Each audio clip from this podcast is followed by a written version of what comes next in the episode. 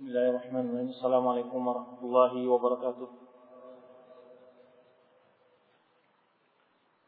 إن الحمد لله نحمده ونستعينه ونستغفره ونعوذ بالله من شرور أنفسنا وسيئات أعمالنا من يهده الله فلا مضل له ومن يضلل فلا هادي له وأشهد أن لا إله إلا الله وحده لا شريك له وأشهد أن محمدا عبده ورسوله لا نبي بعده أما بعد فإن أصدق الحديث كتاب الله وخير الهدى هدى محمد صلى الله عليه وسلم وشر الأمور محدثاتها وكل محدثة بدعة وكل بدعة ضلالة وكل ضلالة في النار Ma'asyiral ikhwah, ini adalah pertemuan yang keempat atau majelis yang keempat dalam pembahasan uh, topik dalam doa ini itu meluruskan pemahaman yang keliru dalam mengagungkan Nabi Shallallahu Alaihi Wasallam. Pada majelis ini kita lanjutkan pembahasan kita itu dalil-dalil dari sunnah yang menegaskan tentang diharamkannya hulu atau berlebih-lebihan ekstrim di dalam membesar, mengagungkan, memuliakan dan menghormati Rasulullah Sallallahu Alaihi Wasallam. Di antaranya adalah hadis yang masyhur diwakilkan oleh Imam Nasai dan juga Ibnu Majah dan disahihkan oleh Syekh Nasir bin Albani rahimahullah yaitu qala qala Rasulullah sallallahu alaihi wasallam iyyakum wal ghulu. Iyyakum wal ghulu. Hati-hatilah kalian ya aku peringatkan kalian terhadap perbuatan ghulu atau berlebih-lebihan atau ini melampaui batas ini iyyakum wal ghulu fid hati-hatilah kalian atau waspadalah kalian terhadap tindakan berlebih-lebihan dalam agama. Fa inna ma alaka man kana qablakum ya sesungguhnya binasanya orang-orang sebelum kalian maksudnya adalah dari umat-umat sebelum umat Nabi Muhammad SAW bil ghuluwi fid adalah disebabkan karena berlebih-lebihan di dalam agama. Ini di dalam agama secara umum apa pun topiknya Apakah itu berhubungan dengan etikot, perkataan, perbuatan, dan seluruhnya, seluruhnya. Baik berhubungan dengan uh, memuji Rasulullah SAW dan seterusnya. Ini adalah larangan secara umum, yaitu sikap berlebih-lebihan dalam beragama. Maka seperti dalam ibadah, kisah yang masyhur tiga orang yang menemui salah seorang dari istri Rasulullah SAW yaitu berkata salah seorang mereka ketika diberitakan tentang bagaimana ibadah Rasulullah SAW lalu mereka menjawab ini asumu wala ufir. Ada yang berkata saya akan senantiasa berpuasa dan tidak pernah berbuka. Kemudian yang kedua berkata lagi ini ini aku mulai wala anam. Aku akan senantiasa melaksanakan qiyamul lail dan tidak akan tidur. Kemudian ketiga inilah atazawajun nisa yang ketiga adalah saya tidak akan menikah. Kenapa?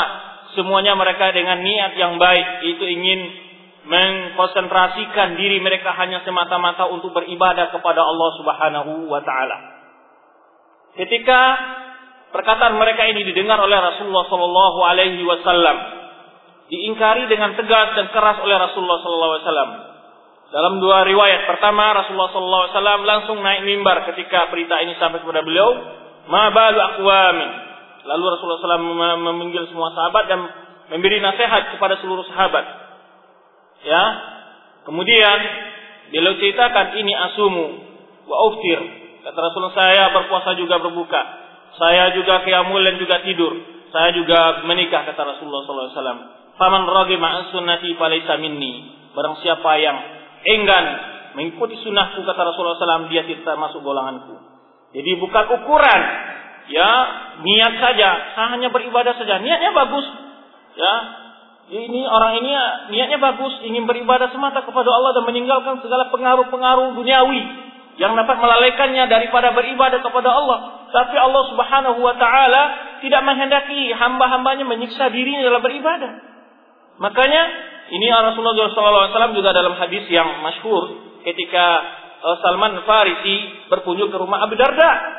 Ya, ketika itu ini Abu Darda Syamulail disuruh oleh Tuhan Hinam tidur. Kemudian berdiri lagi, disuruh lagi tidur. Kemudian baru sepertiga terakhir malam dibangunkan oleh bersalat malam. Kemudian dia akhirnya setelah itu di subuh hari dilihat istrinya Abu Darda diberitakan oleh istrinya kepada Abu Darda bahwa ada oleh oleh uh, beritakan oleh istri Abu Darda kepada Salman bahwa Abu Darda jarang memperhatikan istrinya. Ya. Ketika itu Salman Farisi menasihati Abu Darda, "Inna li daifika 'alaika haqq wa li zawjika 'alaika haqq wa li nafsika 'alaika haqq fa'ti li kulli li kulli dhi haqqin haqq." Ya, tamu memiliki hak, istrimu, keluargamu juga memiliki hak, dirimu pun sendiri memiliki hak atas engkau. Maka berikan setiap hak itu kepada pemiliknya. Kemudian hal itu disampaikan kepada Rasulullah SAW, kata Sadaqah Salman. Benar itu apa yang disampaikan oleh Salman. Ini menunjukkan bahwa Allah Subhanahu wa taala tidak menghendaki kita itu berlebih-lebihan dalam beribadah. Berlebih-lebihan dalam melampaui maksudnya berlebih-lebihan ibadah di sini melampaui ketentuan syar'i. Walaupun maksud dan tujuan baik apabila di luar kode etik agama, ketentuan agama itu tidak dibenarkan dalam agama kita. Nah, di sini hadis ini sangat tegas iya kumal bulu. Diperingatkan oleh Rasulullah SAW. Ya, dalam kisahnya awal hadis ini adalah ketika Rasulullah SAW di Musdalifah. Lalu Ibnu Abbas mengambilkan batu untuk melempar jumroh pada hari Aqabah. Ya, Lalu bukan Rasulullah menyuruh Ibnu Abbas mengambilkan di situ tidak. Tapi Ibnu Abbas e, mengambilkan batu, menyediakan ini khidmah, salah satu bentuk takzim dan takrim sahabat kepada Rasulullah juga. Jadi karena besok pagi di pagi hari ini akan berlangsung pelemparan jumroh, maka Ibnu Abbas memungut batu untuk Rasulullah di Musdalifah. Ya. Nah, lalu setelah dipungut, lalu Rasulullah SAW memperlihatkan kepada seluruh orang ikut haji itu Babi mitliha farmu. Batu yang sebesar inilah kalian ambil untuk melempar jumroh. Lalu beliau katakan, iya akum wal gulu. Jadi, hati-hati kalian terhadap perbuatan yang berlebih-lebihan. Ya, mengambil batu yang lebih gede. Nah, itu nggak boleh. Ya, makanya dilihat bahayanya ketika jamaah haji dan mengikuti sunnah Rasulullah SAW. Ya, betapa bahayanya mencelakakan orang lain ketika dilempar sendal, payung, dan segala macam batu yang lebih besar. Seterusnya. Ini menunjukkan betapa Rasulullah SAW menginginkan bahwa ukuran yang yakni ketentuan-ketentuan dalam syariat ini adalah sebatas ditentukan oleh syarat, bukan menurut selera dan kehendak perasaan kita masing-masing dalam beribadah itu. Jadi niat yang baik harus di apa namanya dibarengi dengan ilmu yang benar, artinya mengikuti sunnah dalam beribadah itu. Tidak hanya cukup saya ingin beribadah total, ya tidak. Kalau melanggar sunnatullah dan sunnah syariah, baik kauniyah maupun syariah itu tidak dibenarkan oleh Allah Subhanahu wa taala. Itu uh, di dalam hadis ini wahada tahdiru minal amun. Peringatan ini adalah umum dari melakukan perbuatan yang berlebih-lebihan dalam segala bentuk hal yang melampaui batas. Maka ini fayashmalul i'tiqadat, baik berlebih-lebihan dalam i'tiqad keyakinan seperti yang telah kita contohkan meyakini Nabi diciptakan dari nur, dan seterusnya nanti akan kita sebutkan contoh-contohnya. Wal a'mal dalam perbuatan tingkah laku. Ya. Seperti tadi dia berpuasa saja tidak, berbuka, mulai tidak tidur dan seterusnya. Wal gulu dan amun fi asya' katira. Kemudian sikap berlebih-lebihan juga umum dalam berbagai hal yang umum, ya. Pak yakuru fil madah. Boleh saja dalam memuji atau fi atau dalam mencela jadi mencela umpamanya tidak boleh berlebih-lebihan. Apa contoh yang berlebih-lebihan? Sebutkan dalam hadis ketika seseorang yang sering minum khamar di masa Rasulullah SAW, namanya Abdullah, wilaqab bihimar, ya. Jadi ketika dia sudah sering sekali dicambuk karena minum khamar. Lalu ketika dia mau dicambuk lagi, datang lagi, di, di, di minum khamar lagi, dibawa oleh Rasulullah SAW untuk dicambuk. Lalu ada sahabat mengatakan, La'anahullah ma'aksara mayuktabihi. Semoga Allah melaknatnya. Betapa seringnya dia ini untuk diperingatkan, dicilid untuk tidak minum khamar. Apa kata Rasulullah SAW? La takunu awanan li akhikum, la takunu awanan li syaitan ala akhikum. Ditegur Rasulullah SAW, jangan. Itu kan dia marah karena dia ini sering minum khamar tapi dalam mencela pun tidak boleh berleh berlebih-lebihan. Sebatas ukuran syar'i. Nah, zalim nanti kalau berlebih-lebihan. Maka Rasulullah jangan kalian menjadi penolong setan terhadap saudaramu. Ditegur. Demikian dalam berbagai hal, dalam masalah hajar, wa tabdi, wa tahdir, semacamnya. Nggak boleh berlebih-lebihan sebatas kesalahan. Kalau lebih itu zalim. Memberikan hukum yang lebih. Maka dalam mencaci, dalam memaki, dalam apa pun, tidak boleh menyalahkan orang sesuai dengan kesalahannya. Kesalahannya hanya kecil dia lalu dibesar-besarkan.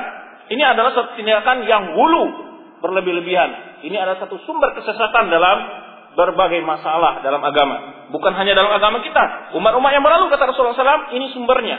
Jika mereka senang, memuji sangat tinggi sekali. Jika mereka benci, itu sangat menyatukan sekali. Ini adalah sikap-sikap yang berlebih-lebihan. Dan ini terjerumus ke dalamnya sebagian orang-orang yang mengaku mengikuti dakwah al-sunnah. Mengikuti manhaj salaf. Ini terjadi di tengah umat ini. Yaitu berlebih-lebihan. Jika mencela, mencela dengan melebihan. Jika memuji, memuji dengan berlebih. Sebatas. Maka oleh sebab itu di sini larangan bulu di sini itu umum dalam berbagai hal baik dalam memuji maupun dalam mencela atau mengkritik dan seterusnya. Kemudian, qad yakunu fil paham dan juga pula dalam pemahaman. Qad yakunu fil ilm dan dalam il, ilmu. Qad yakunu fil amal dan boleh jadi dalam bentuk ah, amalan. Itu larangan gulu secara umum dalam agama ini. Baik dalam beribadah, dalam apa saja perkara agama, kita dilarang gulu atau dalam mencar, dalam memuji dan seterusnya. Ya, dalam menghukum dan seterusnya. Seperti orang-orang khawarij, gulu. Mereka ashabul gulu. Yaitu ketika mereka mengkafirkan orang-orang yang melakukan dosa besar. Jelas gulu dia. Orang tidak kafir dikafirkan. Ini gulu. Melampaui, melampaui batas agama yang memberikan hukum kepada orang. Melampaui hukum agama. Yang terhadap hukum agama terhadap orang tersebut. Ini enggak boleh. Ya, Bahkan bisa dijadikan sumber semua bid'ah itu adalah gulu. Ya, kalau tidak akan kita katakan seluruh bid'ah sumbernya keguluan, 99% dari berbagai bentuk penyimpangan dan bid'ah adalah sumbernya dari apa? Hulu. Hulu tadi. Ima dalam menyikapi, mencela, menyalahkan, ya. Al-hulu fitabdi, hulu dalam berlebih-lebihan dalam membid'ahkan sedikit bid'ah, sedikit bid, bid'ah. Orang nggak pakai gamis dibid'ahkan, nggak begini bid'ahkan kan gitu. Ini hulu fitabdi. Ya. Hulu fitabdi. Agama kita tidak membolehkan itu. Ya, ini orang pakai batik dibid'ahkan, orang memakai peci nasional dibid'ahkan. Ini hulu fitabdi. Jadi agama kita nggak membolehkan hal itu. Dalam tahajud dalam perkara semuanya, agama kita menghendaki adalah perbuatan yang, a, yang adil. Tidak boleh berlebih-lebihan. Orang salah tiga jangan dibilang salahnya sepuluh. Salah tiga katakan salah tiga aja cukup. Ya kan? Nilainya dikasih tujuh. Kalau soalnya sepuluh. Ini salah tiga. Dikasih nilai berapa? Dikasih nilai lima. Ini nggak boleh. Kenapa? Karena di hari itu juga nah, ini nggak adil. Ini hulu berlebih-lebihan. Demikian pula dalam memuji. Tidak boleh berlebih-lebihan. Orang tidak syekh dibilang syekh. Orang tidak dokter dibilang dokter. Ini berlebih-lebihan. Ya kan? Berlebih-lebihan. Karena sudah saking senangnya, wah, dikasih gelar-gelar muhaddis al-alim, ah, Rabbani dengan bulu-bulu yang gelar-gelar yang berlebihan. Ini nggak boleh juga. Tempatkan segala sesuatu itu pada tempatnya. Maka bisa kita katakan berbagai macam bentuk penyimpangan di dalam agama ini sumbernya adalah apa? Gulu. Itu lihat saja. Perkara apa saja contohkan di dalam bid'ahkah, kesesatankah itu sumbernya adalah bersumber dari gulu berlebih-lebihan. Maka itu ayat Al-Quran sangat menegaskan mengharam perbuatan berlebih-lebihan dalam agama itu. Kemudian adapun yang berhubungan dengan Rasulullah sendiri ada larangan khusus. Hadis dari Rasulullah SAW tidak boleh berlebih-lebihan di dalam memuji beliau. Siwana larangan Rasulullah SAW, yaitu dalam hadis yang Imam Bukhari ya. Kata beliau, bersabda Rasulullah SAW tentang larangan secara tegas untuk berbuat bulu terhadap pribadi beliau. La tatruni kama nasara minal Maryam. Jangan kalian mengkultuskan aku sebagaimana orang-orang Nasara mengkultuskan Isa anak Maryam. Fa innama Abdullah, sungguhnya saya ini hanyalah hamba Allah. Taqulu Abdullah wa rasuluh. Maka ucapkanlah aku ini adalah Abdullah, katakanlah ada Muhammad Rasulullah. Muhammad Abdullah, ya. Muhammad itu adalah hamba Allah dan utusannya. Faqulu Abdullah wa rasuluh. Aku ini hanyalah hamba Allah dan utusannya. Secara khusus Rasulullah SAW ini ketika ada orang yang memuji beliau berlebih-lebihan anta khairina anta khairuna wa ibnu khairina ya lalu Rasulullah SAW kul bi ba'di qaulikum lah yahwiyanakum syaitan. Katakanlah sebagian dari ungkapan kalian, jangan sampai syaitan melencengkan kalian dari kebenaran. Lalu beliau tegur, la tatruni kama turatin nasara ibna Maryam. Jangan kalian mengkultuskan aku. Nah, nanti akan kita lihatkan bentuk-bentuk pengkultusan, bentuk-bentuk hal yang melampaui batas dalam menghormati, mengagungkan dan memuliakan Rasulullah Shallallahu Alaihi Wasallam seperti mengatakan beliau diciptakan dari nur, seperti eh, diyakini beliau menghadiri majlis masil barzanji, seperti meyakini hal-hal yang eh, diciptakan dari nur atau beliau tidak memiliki bayang-bayang dan seterusnya atau diciptakan makhluk ini demi Muhammad dan seterusnya. Nanti akan disebutkan bentuk-bentuk sikap sifat bulu di dalam saksiyah, di dalam kepribadian Rasulullah SAW yang dinisbahkan oleh orang-orang yang tidak memiliki ilmu. Yaitu menisbahkan sikap bulu itu kepada Rasulullah SAW atau bersikap gulu, berlebih-lebihan dalam memuji dan mengagungkan Rasulullah Wasallam. Maka Rasulullah tekuruni, jangan kalian mengkultuskan aku, sebenarnya orang tindakan orang Nasara mengkultuskan siapa? Isa anak Maryam sehingga ketika di awalnya mereka melebih-lebihkan akhirnya menjadikan Isa sebagai Tuhan. Kemudian lalu beliau tegaskan fa inna ma abdul fa inna ma ana abdullah wa rasuluh. Sungguhnya aku hanyalah hamba Allah dan Rasulnya. Di sini disebutkan oleh para sebagian kutab penulis, para ulama yang menulis, para ahli ilmi, Allah menisbahkan sifat hulu kepada ahli kitab secara umum. Itu ayat yang sebelum kita sebutkan, ya ahli kitab la taghlu fi nikum. Tetapi Rasulullah Shallallahu Alaihi Wasallam dalam sabdanya menisbahkan menegur umat ini untuk tidak bersikap hulu seperti sikap Nasara. Nasara termasuk ahli kitab enggak? Rasulullah justru lebih banyak menisbahkan sikap gulu larangan sikap gulu itu menyerupakan sikap orang Nasara. Kenapa? Wala alla sirru fi. Mungkin rahasianya adalah kebanyakan gulu yang terdapat, yang terjadi, yang tersebar di tengah umat ini adalah yaitu gulunya orang Nasara. Yaitu ekstrim, berlebih-lebihan, menyerupai sikap orang Nasara dalam berlebih-lebihan. Maka la tatruni sama suratin Nasara Ibn al-Maryam. Di sini Rasulullah SAW kan mengkhususkan itu masalah orang Nasara. Jangan kalian mengkhususkan aku sebagaimana tindakan orang-orang Nasrani mengkhususkan Isa anak Maryam. Kalau dalam ayat Allah menyebutkan secara umum ya Alkitab la taklu fidi fidi inikum. Wahai orang Alkitab jangan kalian berlebihan dalam agama kalian. Nah di sini ulama mengambil faedah kenapa Rasulullah SAW lebih fokus kepada orang Nasara dalam sabdanya dan ayat umum untuk ahli kitab secara umum. Ulama mencari apa sutur hikmah, apa tujuannya. Ulama mengambil faedah dari sini bahwa karena kebanyakan sikap guru dan ekstrim yang terdapat dalam umat ini banyak menyerupai sifat-sifat guru orang Nasor, Nasoro. Nanti akan kita lihatkan contoh-contohnya nanti. Kemudian dan juga Rasulullah Shallallahu Alaihi Wasallam mengingkari ungkapan orang mengatakan Sya Allah wa ini adalah ungkapan yang dalam bentuk bulu dalam sekutu ungkapan. Maka Rasulullah SAW aja'al tati aja'al tani wallaha adlat apakah engkau akan menjadikan aku dan Allah itu sama? Kan wow di sini yang tadi apa taswi? Taswi ya. Jadi boleh kita katakan sya'allah summa sya'a. Ini karena ini ya di tarakhi dan tertib. Nah di sini, masya Allah syi'ta ini ditegur keras oleh Rasulullah SAW. Walaupun etikat orang tadi itu tidak sama. Masya Allah dan Masya Muhammad Muhammad SAW tidak sama ya kan? Tidak sama dengan Masya Rasulullah. Tapi tak kala ini lafaz ini yuhimu bisa dipahami akan membawa kepada ungkapan makna yang bisa dipahami salah diingkari Rasulullah SAW. Aja'altani wallaha adlat apakah engkau hendak menjadikan aku dan Allah sama? Sya'bal masya Allah wahda. Tapi katakanlah kehendak Allah lah semata. Masya Allah wahda. Atas kehendak Allah semata. Nah ini berapa dalil tadi kita ungkapkan bentuk Rasulullah SAW menegur untuk tidak bersikap gulu kepada beliau, kepada pribadi beliau, tidak bersikap lebih-lebih berlebih-lebihan di dalam memuji beliau, dalam menghormati beliau, dalam apa? Dalam e, mengagungkan beliau. Demikian pula telah berkesibukan Rasulullah SAW mengingkari sikap Muaz yang ketika itu ingin untuk bersujud kepada Rasulullah Sallallahu Dikari oleh beliau. Jadi wa Mu'az inna maqsad bidzalika ta'dhimun nabi. Sedangkan tujuan Mu'az waktu itu hanyalah untuk apa? Menghormati dan mengagungkan nabi.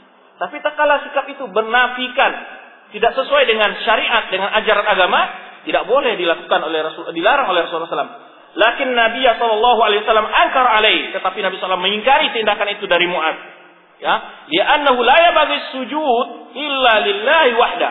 Karena sujud itu tidak boleh dilakukan kecuali hanya untuk Allah semata.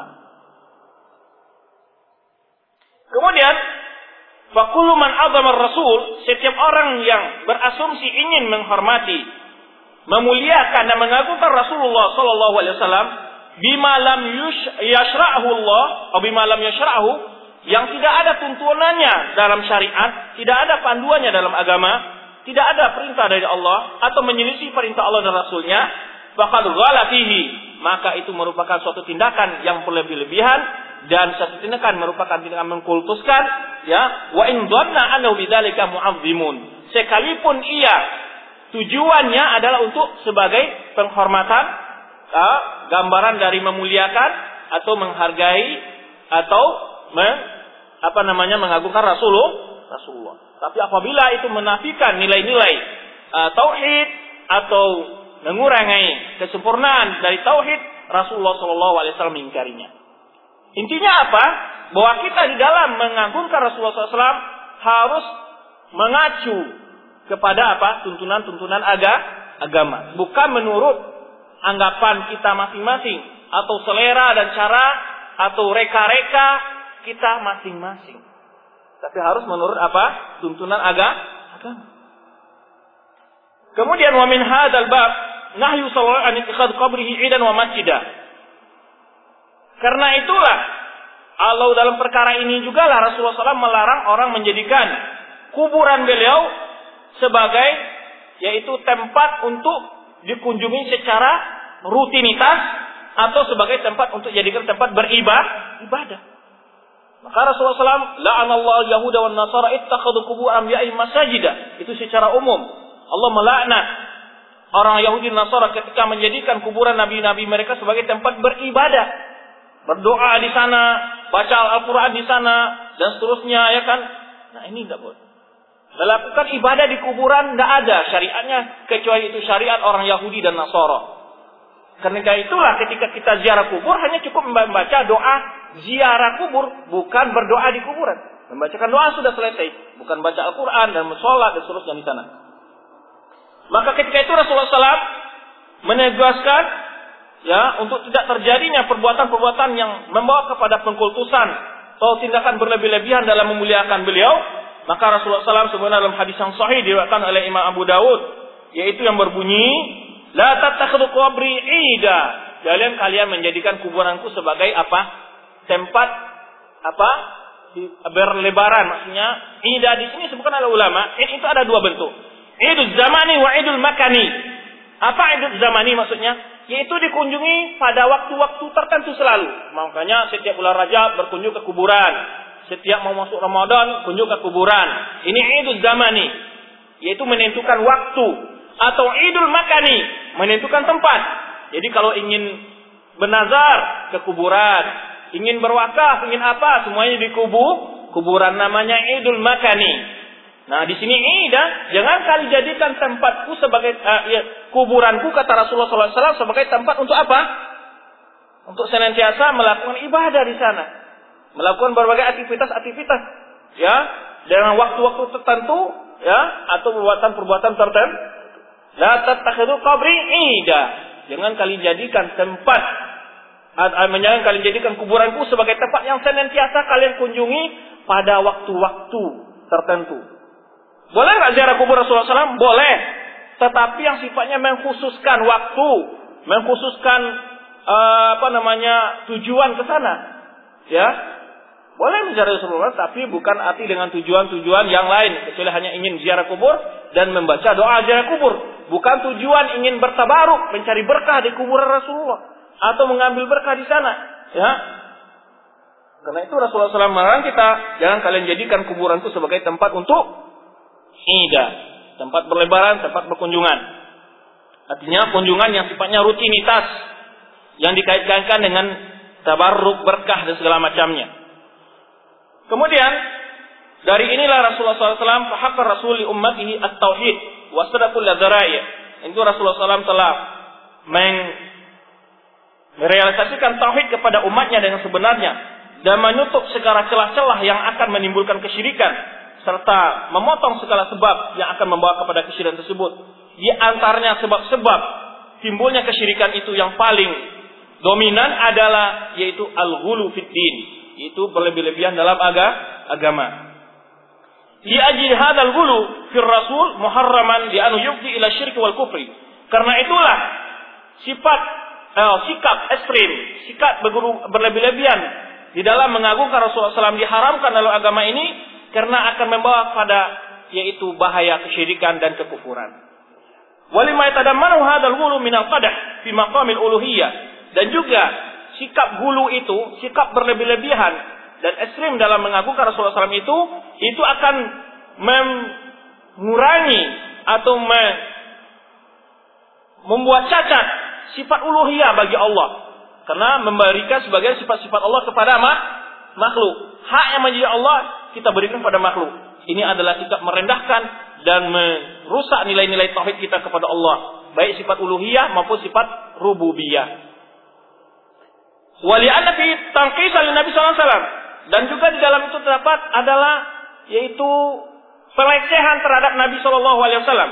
Lianna kamalahu fi ubudiyati karena Rasulullah SAW kesempurnaan dalam mencintai Rasulullah SAW adalah mengakui beliau sebagai hamba Allah. Makanya di dalam Isra Mi'raj disebut dengan sifat ubudiyah, di dalam sifat risalah disebut dengan sifat ubudiyah. Kemudian juga ketika tadi dikatakan orang memuji beliau dengan berlebihan, waqulu Abdullah wa rasuluh. Katakanlah aku ini hamba Allah dan rasulnya. Dan karena itu tidak disenangi oleh Rasulullah SAW. Maka kita lihat sahabat saja tidak mau berdiri untuk meng, walaupun itu dalam rangka menghormati Rasulullah SAW ketika Rasulullah SAW datang karena mereka tahu bahwa Rasulullah SAW tidak senang jika mereka berdiri ketika Rasulullah SAW menghampiri mereka. Maka sahabat tidak berdiri. Artinya di sini apa posisi kita dalam memuliakan Rasulullah SAW adalah mengikuti perintah beliau. Itu yang kita senang. Itu yang beliau senangi. Kok kita lawan? Itu berarti kita tidak memuliakan beliau. Kita kita melakukan lawan daripada kesenangan beliau. Kemudian ini kemudian juga hal itu ya terdapat kedustaan atas nama Rasulullah SAW karena Rasulullah SAW hanya menyeru semua makhluk ini untuk mengesahkan Allah dengan segala ibadah. Tidak pernah menyembah, ah, tidak pernah Rasulullah SAW mengajak mereka untuk ibadah kepada dirinya. Rasulullah tidak pernah mengajak orang agar beribadah kepada Rasulullah. Rasulullah. Ya, atau memberikan sifat-sifat rububiyah kepada beliau. Tadi kita sebutkan ketika orang mengatakan Insya Allah wa. Rasulullah SAW marah. Aja'al nanti, aja'al tani. Wallaha adlan. Apakah engkau menjadikan Allah, saya dan Allah itu sama? Ketika dalam kata-kata mengatakan, Sya Allah wa syi'ta. Kama anahu lam yad'u annahu min nur. Dan mana dia tidak pernah mengaku bahwa dia itu diciptakan dari cahaya. cahaya. Dan nanti kita lihat nanti Anallahu fil qawni syai'an minat tadbir atau tidak pernah dia mengatakan bahwa Rasulullah SAW memiliki urusan mengatur jagat raya ini atau sedikit ada memiliki urusan-urusan seperti menyembuhkan orang yang sakit, mencarikan jodoh, pelaris segala macamnya. Ya. Nah, Rasulullah tidak sedikit pun ya tidak pernah mengatakan bahwa beliau memiliki sedikit atau mengikut andil dalam mengatur alam semesta ini. Annahu ya'lamul ghaib ataupun Rasulullah tidak pernah mengaku bahwa dia mengetahui hal yang gaib. Tadi sudah sebutkan firman-firman Allah yang memberikan hal ini. Ini sebagaimana yang diyakini oleh orang-orang yang mengkultuskan beliau, sebagaimana yang diyakini oleh orang-orang yang ekstrim dalam mencintai beliau dan mengagungkan beliau, atau orang-orang melampaui batas agama di dalam mengagungkan dan memuliakan Rasulullah Shallallahu Alaihi Wasallam. Diriwayatkan dari Muttarid bin Abdullah bin Syakir radhiyallahu anhu, qala intalaqtu fi wadi eh, Bani Amir ila Rasulullah SAW. Ini mutarif seorang sahabat ini katanya saya pergi dalam sebuah utusan menemui Rasulullah SAW yaitu utusan Bani Amir. Fakulna apa ketika dia mereka sudah datang menghadapi Rasulullah SAW mereka mengucapkan mereka ini utusan dari kabilah Bani Amir ini untuk menemui Rasulullah SAW. Ketika sudah berjumpa dengan Rasulullah SAW mereka mengatakan anta sayyiduna engkau adalah penghuluka kami, sayyid ya. Engkau adalah penghuluka kami. Apa jawab Rasulullah SAW? Faqala as-sayyidullah. Sayyid itu adalah Allah. Tidak mau Rasulullah SAW dikatakan sayyid. As-sayyidu Allah. Yang sayyid itu adalah penghulu yang maha itu adalah Allah. Kemudian fakulna wa afdaluna fadlan wa adabuna tulan. Lalu mereka memuji lagi orang yang paling banyak keutamaannya dan yang paling banyak jasanya ya wa adabuna tulan. Faqala apa kata Rasulullah? Kulu biqaulikum. Katakanlah dengan ungkapan kalian itu au bi atau sebagian dari itu wala yastadriyannakum syaitan. Jangan kalian sampai dijerumuskan oleh syaitan Rasulullah mengingatkan, jangan kalian memuji berlebih berlebihan sehingga nanti sampai pada tingkat membawa kepada tingkat pengkul pengkultusan. Tingkat yang melampaui batas agama. Ini Rasulullah mengingkari. Diperbaiki oleh Rasulullah ungkapan mereka. Anta sayyiduna. Kata Rasulullah SAW. Allah. As-sayyidu Allah. Sayyid itu hanyalah Allah. Ya. Ini bentuk-bentuk bagaimana Rasulullah SAW tidak reza dirinya dipuji dengan berlebih-lebihan. Nah, wa an Anas radhiyallahu anhu qala ja'a rajul Nabi sallallahu alaihi wasallam qala ya khairal bariyah ya khairal bari khairal bariyah ada seseorang datang ini hadis ini diwakilkan oleh Imam Muslim ini kalau yang hadis sebelumnya diwakilkan Imam Abu dari Anas katanya ada seseorang datang menemui Nabi Shallallahu Alaihi Wasallam Lalu dia berkata, "Ya khairal bariyah, wahai makhluk yang paling ba baik." Faqala Rasulullah SAW, "Zaka Ibrahim." Kata Rasulullah, itu adalah Ibrahim, bukan saya. Ini tawaduknya Rasulullah SAW. Ya, Zaka Ibrahim, makhluk yang terbaik, katanya. Kemudian Fahaulai takallamu bima takallamu bihi biqasdi ta'zimin Nabi SAW. Jadi dari contoh-contoh di atas tadi mereka mengungkapkan ungkapan yang dengan tujuannya adalah untuk menghormati dan mengagungkan memuliakan Nabi SAW. Wa ma'ahada bersamaan dengan itu lam yakbal minhu an Nabi SAW. Ataupun namun Nabi SAW tidak menerima sikap itu dari mereka, dari mereka, tidak reda, tidak menerima, tidak rela hal, itu mereka lakukan kepada beliau. Walaupun tujuan mereka adalah sebagai bentuk penghormatan dan memuliakan Nabi SAW. Namun Rasulullah SAW tidak rela ucapan-ucapan itu, tingkatan itu untuk diucapkan kepada beliau. Fayajib al muslim ay yufarraqa bain al mashru' wa bain ghairihi fi hadzal janib. Atau yufarriq ay yufarriqa ay ay yufarriqa bain al mashru'. Maka seorang muslim wajiblah membedakan dalam hal mengagungkan Nabi sallallahu alaihi wasallam ini mana yang dia syariatkan mana yang. Dilarang. Jangan dicampur adukan. Ya. Wa adam tafriqa bainaha bainahuma huwa alladhi awqa al-mubtadi'a fil ghulu. Karena tidak adanya batas-batas yang dimengerti dalam masalah ini yang menyebabkan para pelaku bid'ah jatuh ke dalam perbuatan hulu atau ekstrim atau sifat-sifat mengkul mengkultuskan. Alladhi dammahu Allah wa rasuluhu yang dicela oleh Allah dan Rasulnya. Wa dzalika kal istighatha sebagaimana istighosa dengan Nabi SAW atau meminta keperluan-keperluan dari Nabi SAW atau berdoa kepada Nabi SAW dari selain Allah atau meyakini bahwa dia diciptakan dari nur atau seluruh jagat raya ini adalah diciptakan dari nur Nabi Muhammad SAW. Ini banyak keyakinan ini yakini oleh orang-orang, ya kan? Meyakini alam ini diciptakan dari nur Muhammad, ya. Wa fil aqwal atau fil qaul atau meyakini bahwa Rasulullah SAW mengatur alam semesta ini yang menyembuhkan penyakit, memberi rezeki dan seterusnya ya, mencarikan jodoh atau meyakini bahwa ia mengetahui hal yang gaib ya secara mutlak. Dan hal-hal yang lainnya dari keyakinan-keyakinan yang batil yang disandarkan yang diyakini oleh orang-orang yang gulu yang berlebih-lebihan dalam mengagungkan Rasulullah SAW. Wabtada anwa'al kathira minas salawat alaihi atau melakukan salawat-salawat yang tidak pernah diajarkan oleh Rasulullah SAW. Salawatul Fatih, salawat nariyah, salawat ini dan salawat itu. Ya kan bahkan kadang-kadang melebihi mengatakan bahwa salawat-salawat itu lebih afdol dari salawat-salawat yang diajarkan oleh Nabi Wasallam. Ini kan luar biasa sekali. Bagaimana katanya dengan selawat itu dia mengagungkan Rasulullah SAW? Padahal dalam ucapan-ucapan selawat itu mengandung nilai-nilai kesyirikan. Nah. Kemudian, Fakulu hada minagulu wa syirk. Tindakan-tindakan ini adalah termasuk perbuatan yang berlebih-lebihan, ekstrim dan hulu, serta mengandung nilai-nilai kesyirikan yang dilarang oleh Allah dan Rasulnya. Dan orang-orang yang berbuat seperti ini adalah telah melanggar yaitu kode etik mengagungkan Rasulullah Shallallahu Alaihi Wasallam. Pada hakikatnya dia itu bukan mengagungkan tapi telah melecehkan dan menghina Rasulullah Shallallahu Alaihi Wasallam karena mereka berbuat sesuatu yang tidak diredai oleh Allah dan Rasulnya. Dan Rasulullah SAW sendiri dalam pujian-pujian yang biasa saja tadi Rasulullah SAW tidak reda menerima pujian itu.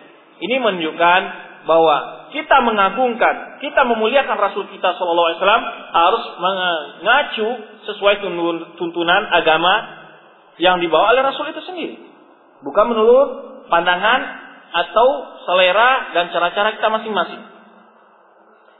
Kemudian, wafi qauli sallallahu alaihi wasallam ketika Rasulullah sallallahu alaihi wasallam mengungkapkan dalam sebuah hadisnya, "Ana Muhammad bin Abdullah, Abdullah wa rasuluhu. Wallahi ini ma uhibbu an tarfa'uni fawqa manzilati allati anzalani Allah azza wa jal." Hadis ini akan Imam Ahmad dan disahihkan oleh Syekh Nasiruddin Al-Albani rahimahullah yang mana Rasulullah SAW mengatakan, "Aku ini adalah Muhammad bin Abdullah Ya, Abdullah Rasul hamba Allah dan utusannya. Ma uhibbu antar fauni. Aku tidak suka kalian mengangkatku. Fauqa manzilati di atas kedudukanku allati anzalallahu iyahu. Arti itu kedudukan yang telah diberikan Allah kepada Jadinya jangan kalian mengangkat kedudukan melebihi kedudukan yang telah diberikan oleh Allah kepadaku. Ya, artinya tempatkan aku pada posisi yang telah ditempatkan Allah yaitu sebagai hamba Allah dan Rasulnya. Jadi maka beliau mengatakan sini, Wallahi ma. Demi Allah aku tidak suka kalian mengangkatku. Ya, fauqa manzilati, melebihi kedudukanku yang telah diberikan oleh Allah Subhanahu wa taala. Apa bentuk-bentuk mengangkat kedudukan Rasulullah melebihi kedudukan yang telah diberikan Allah? Seperti tadi mengatakan diciptakan dari cahaya, makhluk ini diciptakan dari Nur Muhammad, beliau mengetahui yang gaib, dan seterusnya dan seterusnya banyak lagi keyakinan-keyakinan keyakinan yang menyimpang tadi.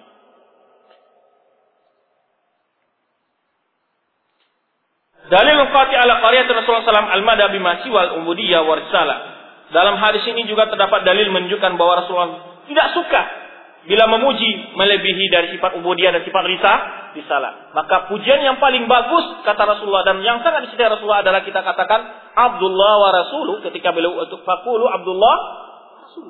Hamba Allah dan utusannya.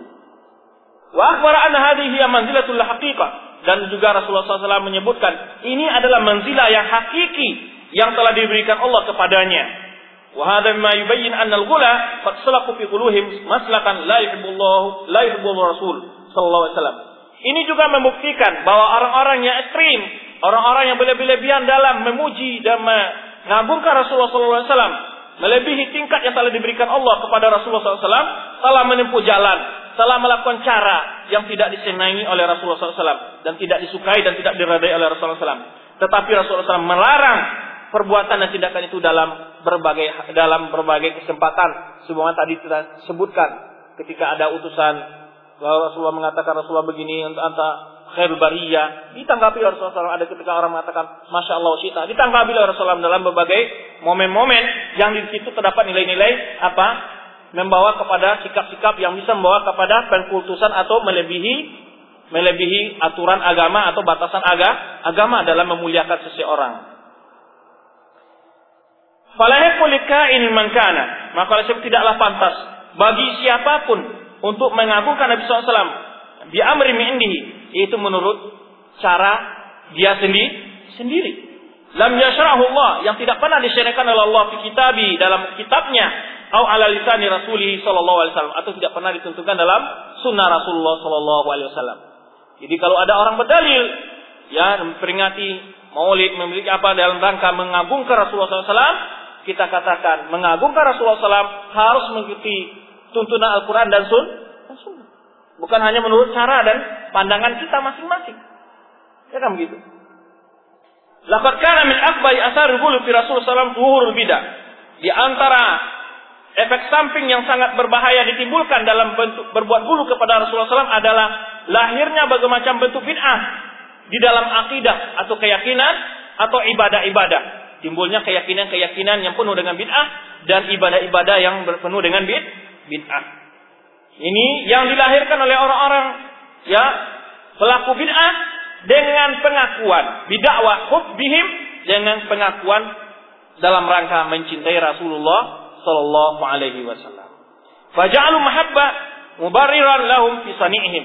Mereka menjadikan alasan cinta kepada Rasulullah untuk berbuat syirik kepada Allah. Ini enggak benar. Mereka menjadikan alasan cinta kepada Rasulullah untuk melakukan tindakan-tindakan yang melanggar yaitu aturan-aturan agama, melanggar tuntunan Rasulullah SAW dalam mengagungkan beliau. Semuanya mereka berhujah dalam rangka mengagungkan Rasulullah.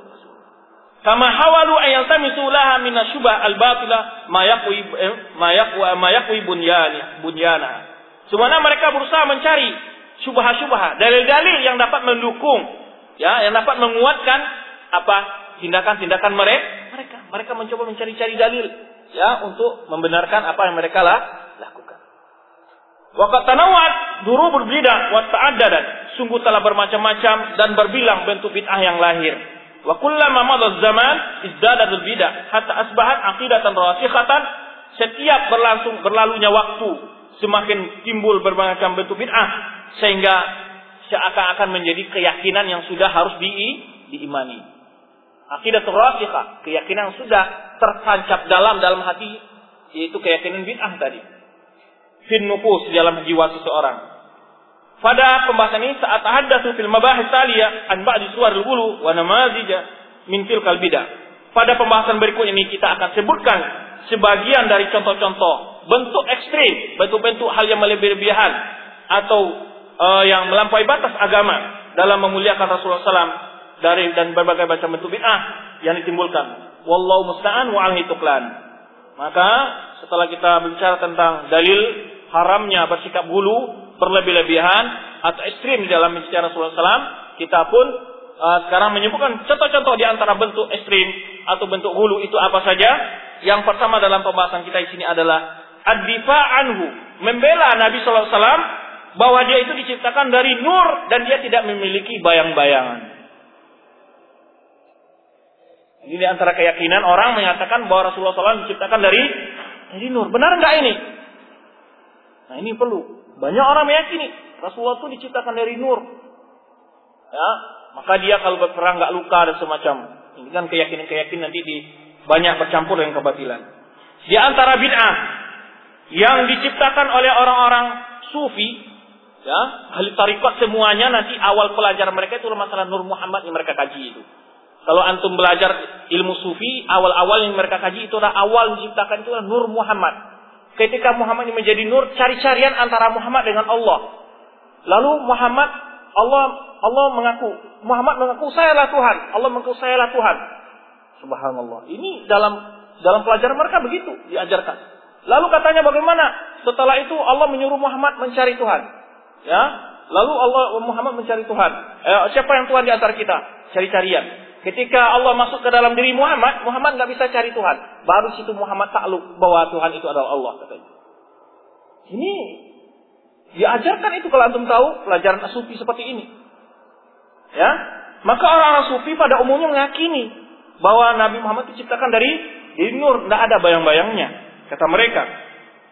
Ini para tokoh-tokoh sufi meyakini bahwa mereka adalah meyakini bahwa Nabi Muhammad diciptakan dari nur dan mereka melakukan pembelaan untuk keyakinan ini. Ya. Dalam buku-buku mereka dan syair-syair mereka yaitu disebut dengan akidatun nur. Ya, yang disebut dengan nur Muhammadi. Melihat nur Muhammad, nur Muhammad dari sini keyakinan itu lahir.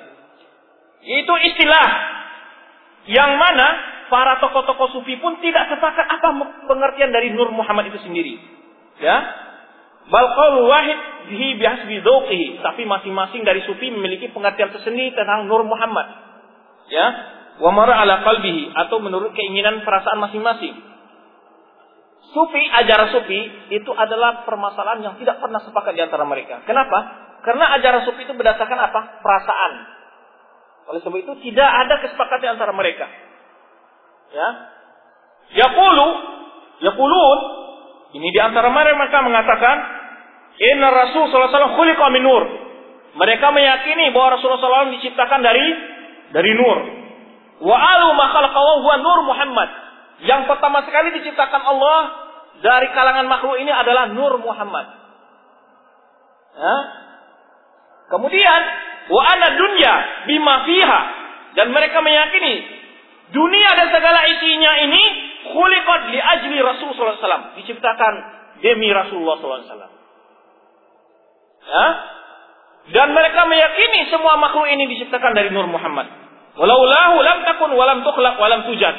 Jadi bukan kalau bukan karena Nur Muhammad kata mereka, niscaya alam ini tidak akan pernah ada, tidak akan pernah diciptakan dan tidak akan pernah terlihat.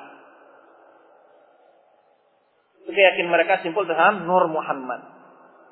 Nah, sekarang kita bicara apa hakikat Nur Muhammad menurut orang-orang sufi ini. Hakikat Nur Muhammad Yaqulu Yusuf Ismail Nabahani ya wa hadul munazirina li hadzal fikr. Yusuf Ismail An-Nahani adalah seorang seorang tokoh yang membela pandangan ini yang meyakini bahwa Nabi Muhammad ini tokoh sufi yang masyhur yaitu Yusuf bin Ismail An-Nabhani wa huwa adul munazirina li hadzal fikr Munazirin maksudnya apa? Ada orang yang ketol membela pendapat ini ini di tokoh-tokoh sufi, di antara tokoh sufi yang paling uh, apa namanya men, membela pemikiran ini dan pandangan ini. Mubinan makna hadal masal gharib. Dia menjelaskan tentang makna Nur Muhammadi. Apa maknanya kata mereka? Kata Yusuf Ismail ini dalam kitabnya di sini Al Anwar Muhammadiyah judul kitabnya. I'lam. Apa kata dia? Ketahuilah annahu lamma Ta'ala iradatul haqqi ta'ala.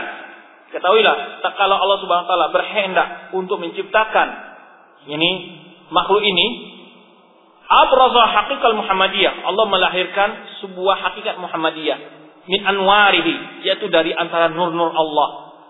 Summa salakha minha al-awalim. Kemudian dari nur Muhammad itulah diciptakan alam-alam lain. Uluha wa subliha. Ini kulluha, uluha wa subliha. Ya, baik yang makhluk yang di atas maupun di bawah. Summa immajasat minhu Muhammad sallallahu alaihi wasallam. Uyunul arwah. Kemudian dari Nur Muhammad itu lahirlah arwah-arwah. Bahwa jinsul ali. Itu adalah jenis yang paling tinggi nilainya. Ala jamil asnad. Wal abu wal akbar. Dan adalah orang tua yang terbesar. Di jamil majudat. Orang tua terbesar bagi seluruh makhluk ini. Jadi katanya apa? Di sini tak kalau Allah Subhanahu wa ingin menciptakan makhluk, Allah melihatkan Nur Muhammad. Menjadikan Nur Muhammad dari antara nurnya, kemudian dari nur ini adalah lahir alam-alam ini semua. Ya, dan dari nur itu pula lahir di antara uyuna arwah. Itu roh-roh yang diciptakan. Roh yang paling tinggi itulah roh Muhammad katanya dari nur Allah ini. Ya. Di sini dijelaskan makna hada Allah Subhanahu wa taala khalaqa Muhammadan min nuri. Di sini dia meyakini bahwa Allah menciptakan Muhammad dari nur Allah. Wa annahu khalaqahu qabla Adam dan dia meyakini bahwa nur Muhammad itu atau menciptakan Muhammad sebelum Adam. Bal qabla khalqil awalim jami'an. Bahkan sebelum diciptakan satu pun dari makhluk ini. Yang pertama diciptakan adalah nur Muhammad. Bal innal asya' jami'aha Kulikat min nuri Muhammad SAW. Bahkan dia meyakini seluruh makhluk ini diciptakan dari nur Muhammad. Muhammad. Kalau antum ingin tahu nanti saya tanya orang sufi, apa itu nur Muhammad? Hah? dia akan ceritakan kepada antum. Kemudian jadi meyakini semua makhluk diciptakan dari Muhammad. Wahadi da'wa batilah. Ini adalah suatu pemahaman yang sangat batil, keyakinan yang sangat keliru. La dalila alaiha. Tidak ada pun suatu pun dalil yang mendukungnya. La min Quran wa la min sunnah. Baik dari ayat Al-Quran maupun dari sun dari sunnah. Wa mahtaja bi qailu hadil kalam min hadits kulliha mawdu'ah. Yang jadikan hujah oleh orang-orang yang berpandangan seperti ini adalah yaitu hadis-hadis maudhu'. Bukan hadis dhaif. Beda antara dhaif hadis maudhu ya.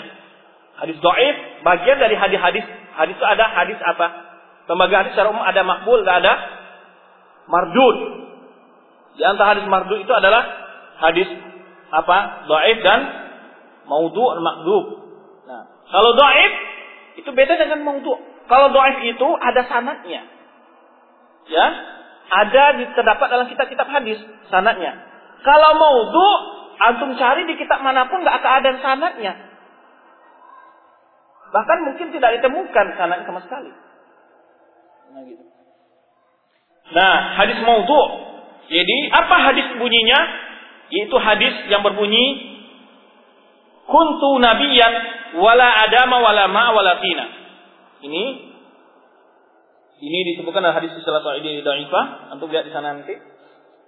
Hadis yang berbunyi, aku telah menjadi nabi dan Adam dan air dan tanah itu belum ada. Aku telah menjadi nabi. Ini hadis yang bunyinya. Kuntu nabiyan wala Adam wala ma'a wala fina. Aku telah jadi nabi sedangkan belum ada Adam dan belum ada air dan belum ada ta tanah. Ini hadis apa ini? Hadis maudhu ya. Ini yang mereka jadikan hujah. Kemudian hadis yang lain adalah innahu kana nuran haulal arsy. Itu hadis yang berbunyi sesungguhnya dia itu adalah awalnya adalah nur yang ada di sekitar aras. Faqala ya Jibril, ana kuntu dzalika nur. Lalu Rasulullah SAW mengatakan, nur yang di sekitar aras itu adalah aku ya Jibril. Ini juga hadis apa? Maudhu. Hah? bahwa Rasulullah SAW adalah nur yang ada di sekitar aras, yang mana Rasulullah katakan kepada Jibril, aku adalah nur yang di sekitar aras. Ya, ya Jibril anak untuk dalikan nur. Kata Jibril menyebutkan ada nur di sekitar aras. Lalu Rasulullah menyebutkan yang nur itu adalah aku. Kata Rasulullah kepada Jibril. Ini hadis apa? Hadis maudhu. Dan hadis-hadis maudhu lainnya yang mungkar dan yang yang sangat banyak sekali ya, yang tidak bisa diterima sanad maupun matanya. Laji'u ila hadil mawdu'at ma'ana haula yaquluna bi anam hujjatil khabar ahad. Yang anehnya, mereka berpegang teguh dengan hadis-hadis maudhu tapi mereka tidak mau berhujah dengan hadis ahad. Hadis ahad itu apa? Lawan dari hadis mutawatir, bukan hadis ahad itu yang diriwayatkan oleh satu rawi, enggak. Lawan dari hadis mutawa, hadis ahad itu bisa diriwayatkan oleh satu orang, bisa oleh dua orang, bisa tiga orang, bisa empat orang. Tapi hadis itu tidak sampai pada tingkat mutawa, mutawatir. Hadis ahad bukan berarti diriwayatkan oleh satu orang saja, enggak. Hadis ahad lawannya dari mutawatir. Bisa hadis ahad terbagi ada gharib, yang gharib itu maksudnya ada diriwayatkan oleh rawinya hanya satu-satu orang saya tingkatkan rawinya. Setiap daripada kebakat rawinya. Kemudian ada aziz namanya ada hadis masyhur. Ini panggil dari hadis ahad. Mereka tidak mau berhujah dengan hadis ahad. Walaupun itu sahih, mereka nggak mau berhujah. Tapi mereka berhujah dengan hadis-hadis mau. Untuk ini yang yang lebih anehnya mereka ini. Ya. Mereka menolak berhujah dengan hadis ahad dalam hadis dalam masalah akidah. Wa in kana fi sahih Bukhari walaupun hadis itu dalam sahih Bukhari apabila hadis ahad atau dalam sahih Muslim mereka tidak mau berhujah. Wa idza bihim yad'una bid'an. Oh yaqtadi'una bid'imuna bid'an, tetapi mereka membela bid'ah-bid'ah mereka yang melanggar nusus-nusus yang sudah sabit dalam Al-Quran Sunnah, nusus-nusus yang sudah valid, ya, ini itu di antara dalil yang menunjukkan bahwa Rasulullah SAW itu bukan ciptakan dari nur adalah sebenarnya firman Allah Subhanahu Wa Taala menyebutkan Kul subhana rabbi hal kuntu ila bashar rasulah. Katakan hai Muhammad, aku ini uh, semaha suci Rabbku. Aku ini tidak lain hanyalah seorang manusia dan seorang rasul. Ya, subhanahu Allah dalam surat Al-Isra. Juga ayat Allah ayat yang telah sebutkan sebelumnya. Qul inna ma ana basyarum mislukum. Aku ini adalah manusia seperti kah? Sedangkan manusia diciptakan dari apa? Dari apa? Dari tanah. Asal mereka dari Adam, maka Rasulullah SAW mengatakan hadis Aisyah dalam Sahih Muslim apa apa katanya? Khuliqatil malaikatu min menur. Wa khuliqal jan min marijin. Malaikat diciptakan dari cahaya, sedangkan jin diciptakan dari bunga api. Wa khuliqa Adam mimma wusifa lakum. Sedangkan Adam diciptakan dari sifat yang diciptakan pada kalian itu dari ta tanah. Manusia diciptakan dari apa? Dari tanah, bukan dari cahaya. Rasulullah SAW adalah manusia. Dalam banyak ayat tadi sudah kita sebutkan. Mereka justru mengatakan Rasulullah diciptakan dari Dan firman Allah lagi, "Kul ma kuntu bid'an rusul." Aku bukanlah rasul yang pertama. Ya, rasul yang awal. Artinya apa? Adalah rasul-rasul seperti itu dahulu adalah manusia. Aku juga rasul dan juga manu manusia. Dari Allah pun inna ma'ana basyarun itu jelas sekali punya nama manusia. Manusia diciptakan dari apa? Dari tanah. Jelas bertentangan dengan nas-nas yang jelas dari ayat Al-Quran. Justru mereka berhujah dengan hadis-hadis mau maudhu. Faman angkara basyarat Rasul sallallahu alaihi wasallam wa ja'alu nuran la dhilla lahu kanul syams wal qamar wa. Barang siapa yang mengingkari ya Rasulullah SAW sebagai kemanu, eh, kemanusiaan Rasulullah SAW atau mengingkari bahwa Rasulullah itu adalah manusia atau menjadikannya dan menjadikannya berasal dari nur dan tidak memiliki bayang-bayang seperti cahaya matahari dan bulan dan bintang ya fakat istakhaffa bi Rasulullah SAW sungguh dia telah menghina Rasulullah wasallam. Fi surat ta'zim dalam gambaran untuk mengagungkan yaitu kulit luarnya adalah seolah dia mengagungkan Rasulullah diciptakan dari pada hakikatnya dia itu adalah menghina menghina menghina Rasulullah wasallam.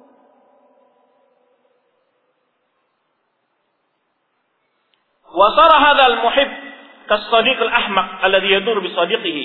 Maka jadilah orang ini seperti teman yang sangat goblok yang membahayakan saudaranya sendiri. Di hakamatihi wa baladati karena kebodohan dan ini kedunguannya. Ini ahmak ini dungu. Ya maksudnya ingin memuji Rasulullah tapi justru malah tebal terbalik bahwa akhasu min adu al-aqil wa adar, maka dia adalah lebih berbahaya dari musuh yang berakal dan lebih memudarati.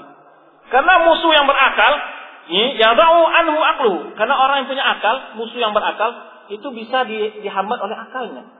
Ya, tetapi teman yang bodoh itu yurid nafa'aka faidurka. Kalau teman yang bodoh dia ingin memberi kebaikan justru bahaya yang diberi diberikannya. Ini teman yang bodoh. Jadi oleh sebab itu orang menyebutkan ini teman yang bodoh itu lebih berbahaya daripada musuh yang berak, berakal. Karena teman yang bodoh dia ingin berbuat baik tapi justru malah sebaliknya yang terjadi. terjadi. Kalau musuh yang berakal biasanya dia dihalangi oleh akalnya untuk berbuat sesuatu yang sangat membahayakan orang lain. Kadang-kadang dia dicegah oleh akalnya. Jadi yang musibah itu adalah adalah musuh atau teman yang bodoh. Dia ingin membela justru malah sebaliknya menjadi bahan bagi orang untuk mencela. Baik. Sangkaan sebagian mereka bahwa dunia diciptakan adalah demi untuk Nabi Shallallahu Alaihi Wasallam. Bahwa dunia ini diciptakan karena Nabi katanya. Jadi tidak ada lagi ciptakan matahari dan bulan bintang semua makhluk ini kecuali Allah demi Muhammad. Wa yaqulu ahadu haula ta'biran adil aqidah. Salah seorang di antara mereka menceritakan tentang akidah ini, akidah apa itu? Bahwa mereka meyakini bahwa seluruh makhluk diciptakan dari nur Muhammad dan makhluk ini diciptakan demi Muhammad. Yaitu laulahu ma khuliqatis syams wal qamar. Kata mereka ini di dalam apa diungkapkan ini perkataan eh, dari seseorang mereka dalam kitab mereka itu Tambihul Hudzat ini dinikul dari kitab hukum Nabi SAW. Apa kata mereka? Ini orang-orang sufi ini. Laulahu ma khuliq tasyamsu wal qamar. Kalau bukan karena Nabi Muhammad, sungguh tidak akan diciptakan matahari dan bulan. Lawalan nujuma wala lauha wala qalam. Demikian pula tidak akan pernah diciptakan bintang-bintang dan tidak pula luh mahfuz dan demikian pula qalam. Ini dalam kitab mereka Tamil Qudrak. Dia katakan, kalau bukan karena Nabi tidak diciptakan matahari dan bulan dan bintang dan luh mahfuz tidak akan ada, luh mahfuz tidak akan ada apa? Al-qalam. Ya kan? Wa inda ma yutalib haula bidalil sahih sarih apabila diminta kepada mana dalilnya? Ya, mana dalil yang tegas yang jelas menggambarkan hal itu? Ya. yang selamat daripada bantahan. Yahtajuna bi hadis maudhu. Mereka akan berhujah dengan hadis yang maudhu. Laulaka ma khalaqtul aflak. Bunyi hadisnya apa? Laulaka ma khalaqtul aflak. Kalau bukan karena engkau hai Muhammad, aku tidak akan ciptakan ma makhluk-makhluk ini. Aku ada ciptakan bintang-bintang ini. Aku tidak keciptakan cakrawala ini. Ini hadis maudhu mereka jadikan dalil. Ini apakah pantas ini sebagai dalil dalam agama Allah? Ya. Bagaimana orang berhujah dengan hadis yang makhdub, berhujah dengan hadis maudhu, ya, lalu menentang firman Allah Subhanahu wa taala, "Wa ma khalaqtul jinna wal insa illa liya'budun." Allah justru menyebutkan aku tidak jadikan jin dan manusia kecuali untuk beribadah kepadaku semata. Tapi ini malah terbalik. Laulaka ma khalaqtul khalaik, ya? Ma khalaqtul aflaq. Kalau bukan karena engkau aku tidak akan jadikan cakrawala ini, dia makhluk ini. Sedangkan Allah menyebutkan dalam firman-Nya, "Wa ma khalaqtul jinna wal insa illa Aku tidak akan jadikan jin dan manusia kecuali hanya untuk beribadah kepadaku kata Allah, bukan karena siapa-siapa makhluk dari makhluk yang lain. Di sini Allah Subhanahu wa taala menjelaskan dalam ayat mulia ini bahwa tujuan penciptakan jin dan manusia seluruhnya adalah untuk beribadah kepada Allah. Termasuk dari jin dan manusia itu masuk dalam manusia ini adalah Rasulullah, hatta Rasulullah SAW. Kenapa Allah menciptakan dia? Itu termasuk dalam firman Allah yang umum tadi. Wa ma khalaqtul jinna wal insa illa liya'budun. Tujuan Rasulullah SAW diciptakan Allah adalah untuk beribadah kepada Allah. Illa li ibadati wahda. Untuk beribadah kepada Allah semata. Wa hum intahalu hadzal dalal liyudhi'u ma'na tauhid. Tujuan mereka men menyebarkan kesesatan ini adalah untuk hilangnya makna tauhid. Ya. La nadri ini marat hazil marat hazil harafa ala ba'd muslimin. Di sini kita tidak tahu mengapa khurafat seperti ini bisa diyakini oleh sebagian orang muslim yang mengaku sebagai Islam. Ya. Wa ka'annahum lam yaqra'u tilkal ayat. Seolah-olah mereka tidak pernah membaca ayat tersebut. Wa ma khalaqul jinna wal in wal insa illa liya'budun. Rubbama kana li jahli mutabbaq dauruhul fa'al Mungkin sebabnya adalah karena kebodohan yang luar biasa. Luar biasa. Inilah yang menyebabkan terjadinya yaitu bermacam bentuk keyakinan-keyakinan yang yang batil tersebut. Kemudian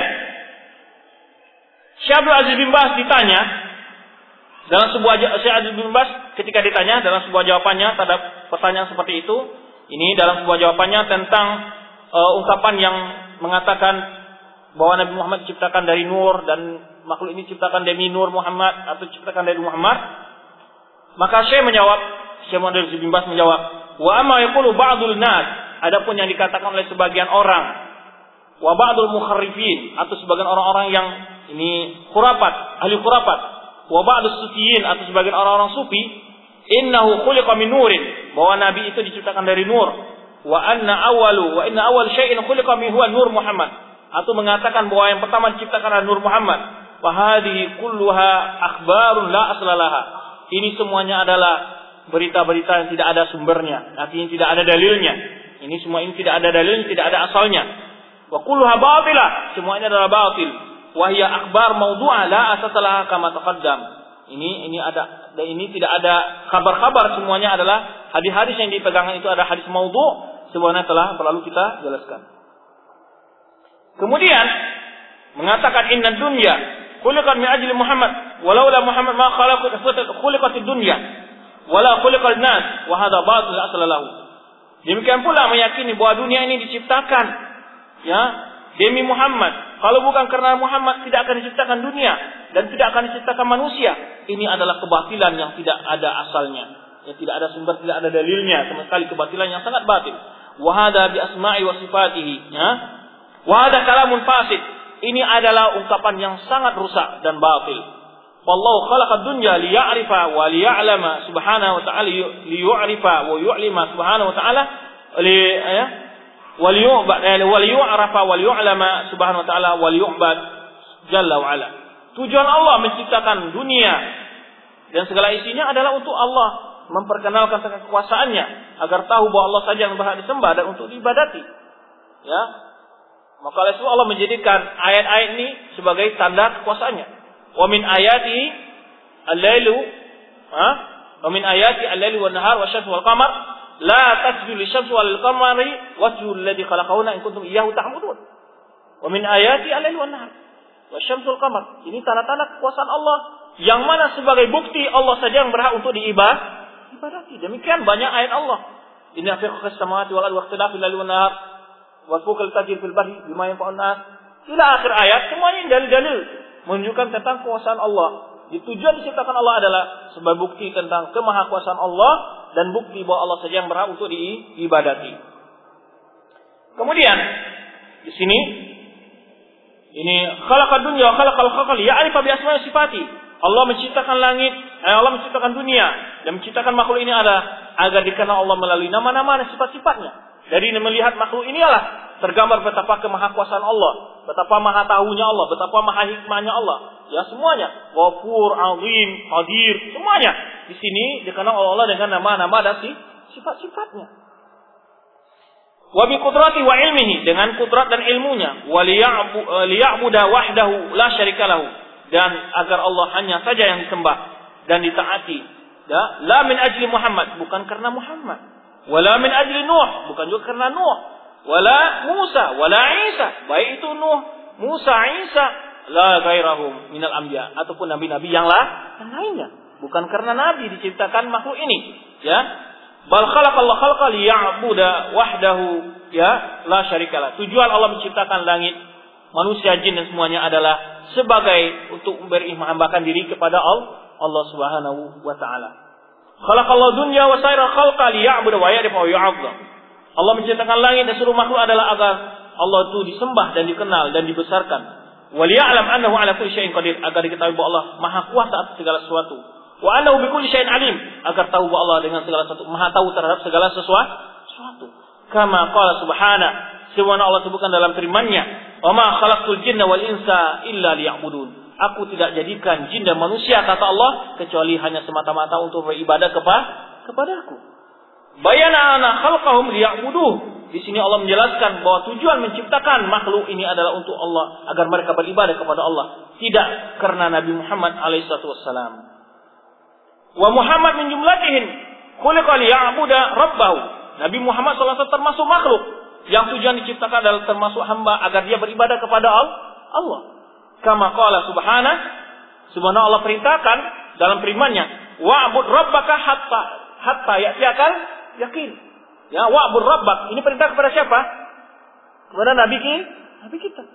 Ya, sembahlah Rabb engkau wahai Muhammad hatta akan yakin sampai datang kepada engkau keyakinan yaitu sampai akhir hayat sampai kematian datang kepadamu. Demikian pula perintah Allah dalam firman-Nya, Allah alladzi khalaqa sab'a samawati wa min al-ardi mithlahunna. Ini menegak firman Allah Subhanahu wa taala surah At-Talaq.